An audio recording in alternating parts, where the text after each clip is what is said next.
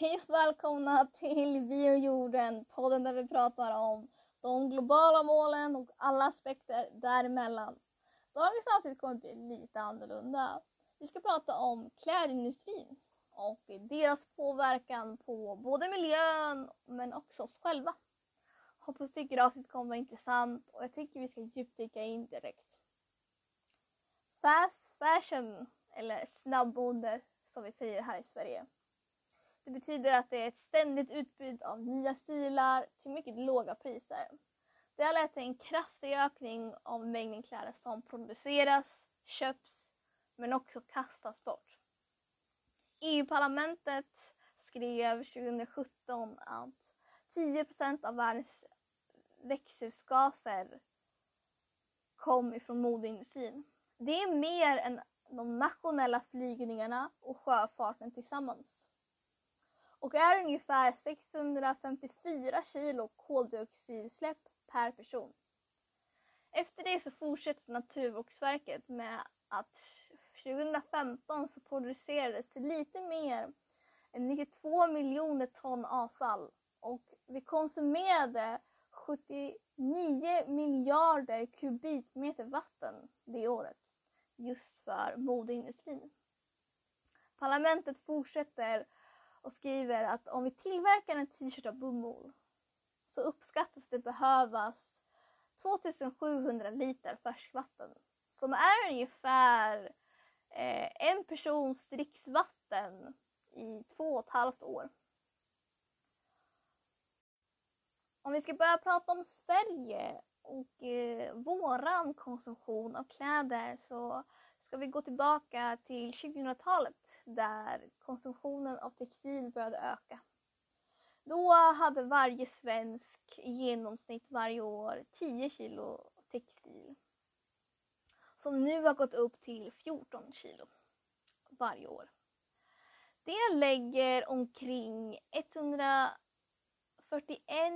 000 ton kläder och hemtextil satsat på den svenska marknaden varje år.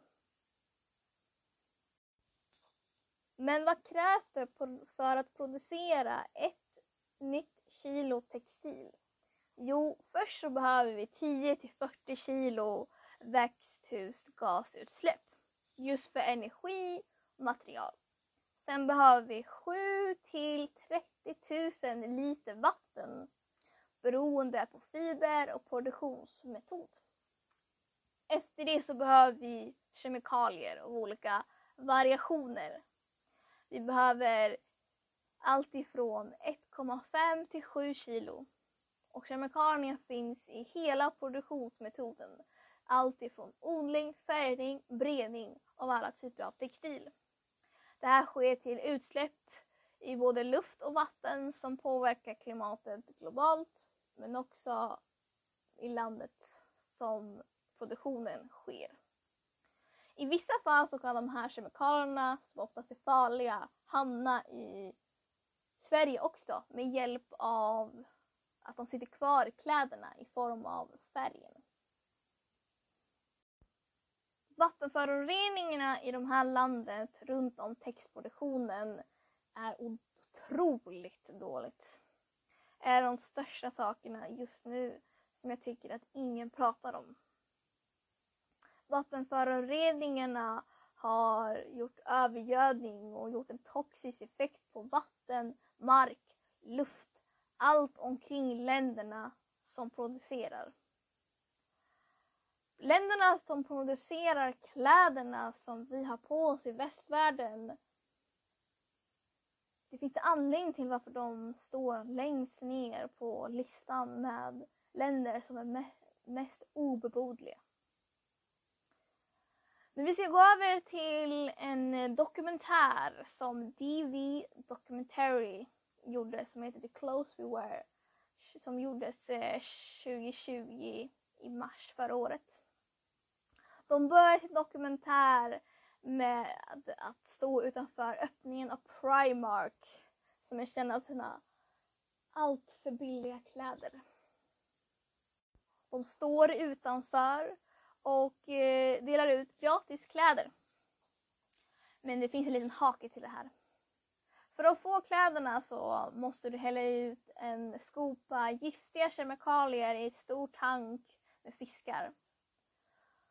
Efter frågan om haken om att få kläderna kom upp så sa alla nej. Man ska inte döda fiskar, det är inte rätt. Sa alla människor runt omkring. Men det de inte vet eller inte vill tänka på är att exakt samma sak händer på andra sidan jorden. Bara att du inte tänker, ser eller vill se det. Samtidigt som företagen inte vill att du ska se det. Det kommer då påverka deras siffror på hur mycket du köper och det är ingenting vi vill. Vi ska gå över till en annan dokumentär som gjordes på SVT för några år sedan, 2017. Där säger de att vi håller just nu på att begå vattenmord. Vi mördar våra floder, vårt vatten över hela världen. Och hela världen påverkas negativt av, av alla gifter och kemikalier som släpps ut i vattnet. Vi ska be oss upp till Kina. Kina har blivit det största landet av exporter under de senaste årtiondet. Men har också skapat hälsa och miljöproblem, allt på grund av vattnet. 70 procent av Kinas vatten är förorenat. Vi har floder som skapar risk för cancer. Det finns städer som vill stänga ner fabriker och företag för att de är rädda för att förlora deras dricksvatten. Hur blev det så här och hur hände det? Jo, vi måste ju säga att snabbmodeindustrin har en stor del till det här. Kemikalier som krävs för att färga dina favoritjeans. Du vet de här blå klassiska jeansen som alla har. Krävs det kvicksilver, kadmium och bly. Sen så hjälper det ju inte med att under åren så har företagen blivit anklagade till att släppa ut avfallet direkt in i vattnet. Forskare under åren har inspekterat vattnet som finns i floderna och hittat, hittat just kvicksilver, kadmium och bly i vattnet. Men också ämnen som kan ändra hormonsystemet i till exempel fisk.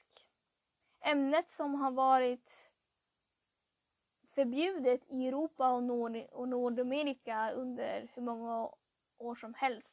Det fortfarande används i Kina regelbundet.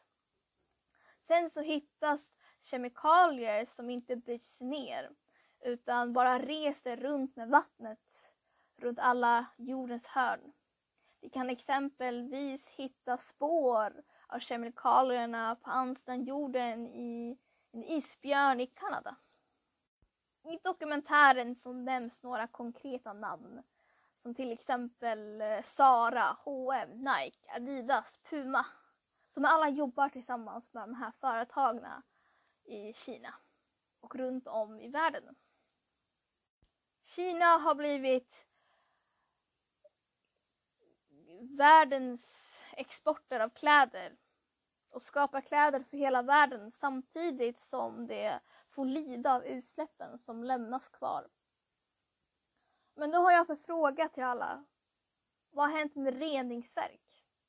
Kan man rena utfallen och utfallet som kommer ut från företagen? Eller handlar det bara om pengar? Handlar det om viljan att inte göra det? Att spendera pengar är inte kanske det företagen vill, utan de vill att du som köpare ska spendera pengarna och inte behöva spendera pengarna någon annanstans.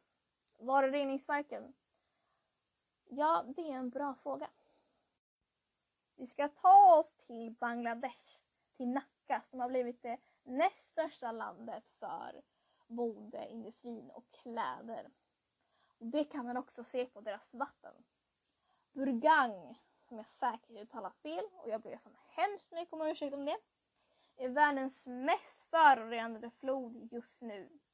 Två tredjedelar av utsläppet i floden kommer just ifrån just modeindustrin.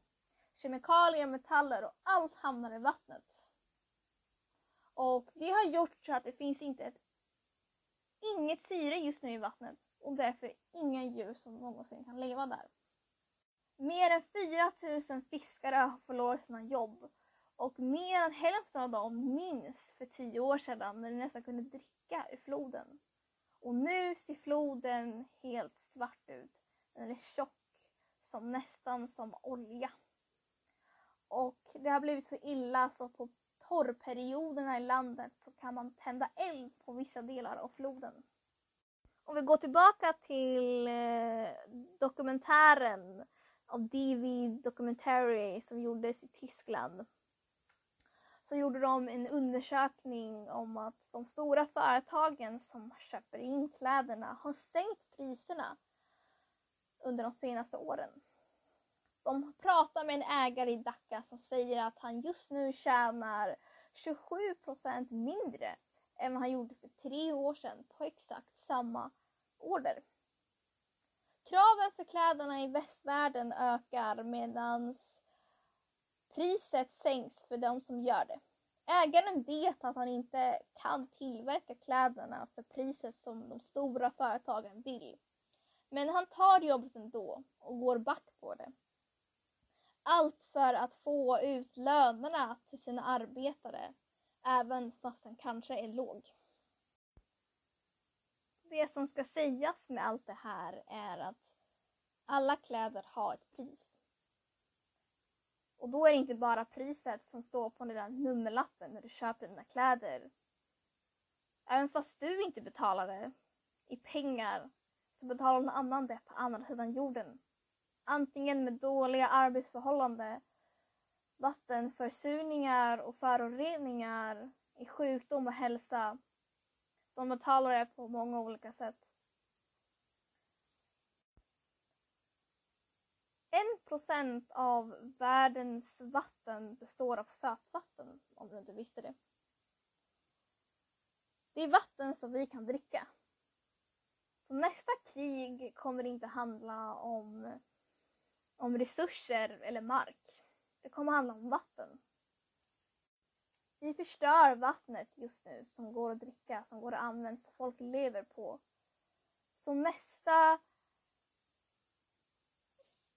flyktingar kommer inte komma hit av naturförstöringar, kommer komma hit av vattenbrist. Dåliga miljöer som vi har byggt upp och inget annat. Och det är så det kommer se ut om vi inte gör någonting.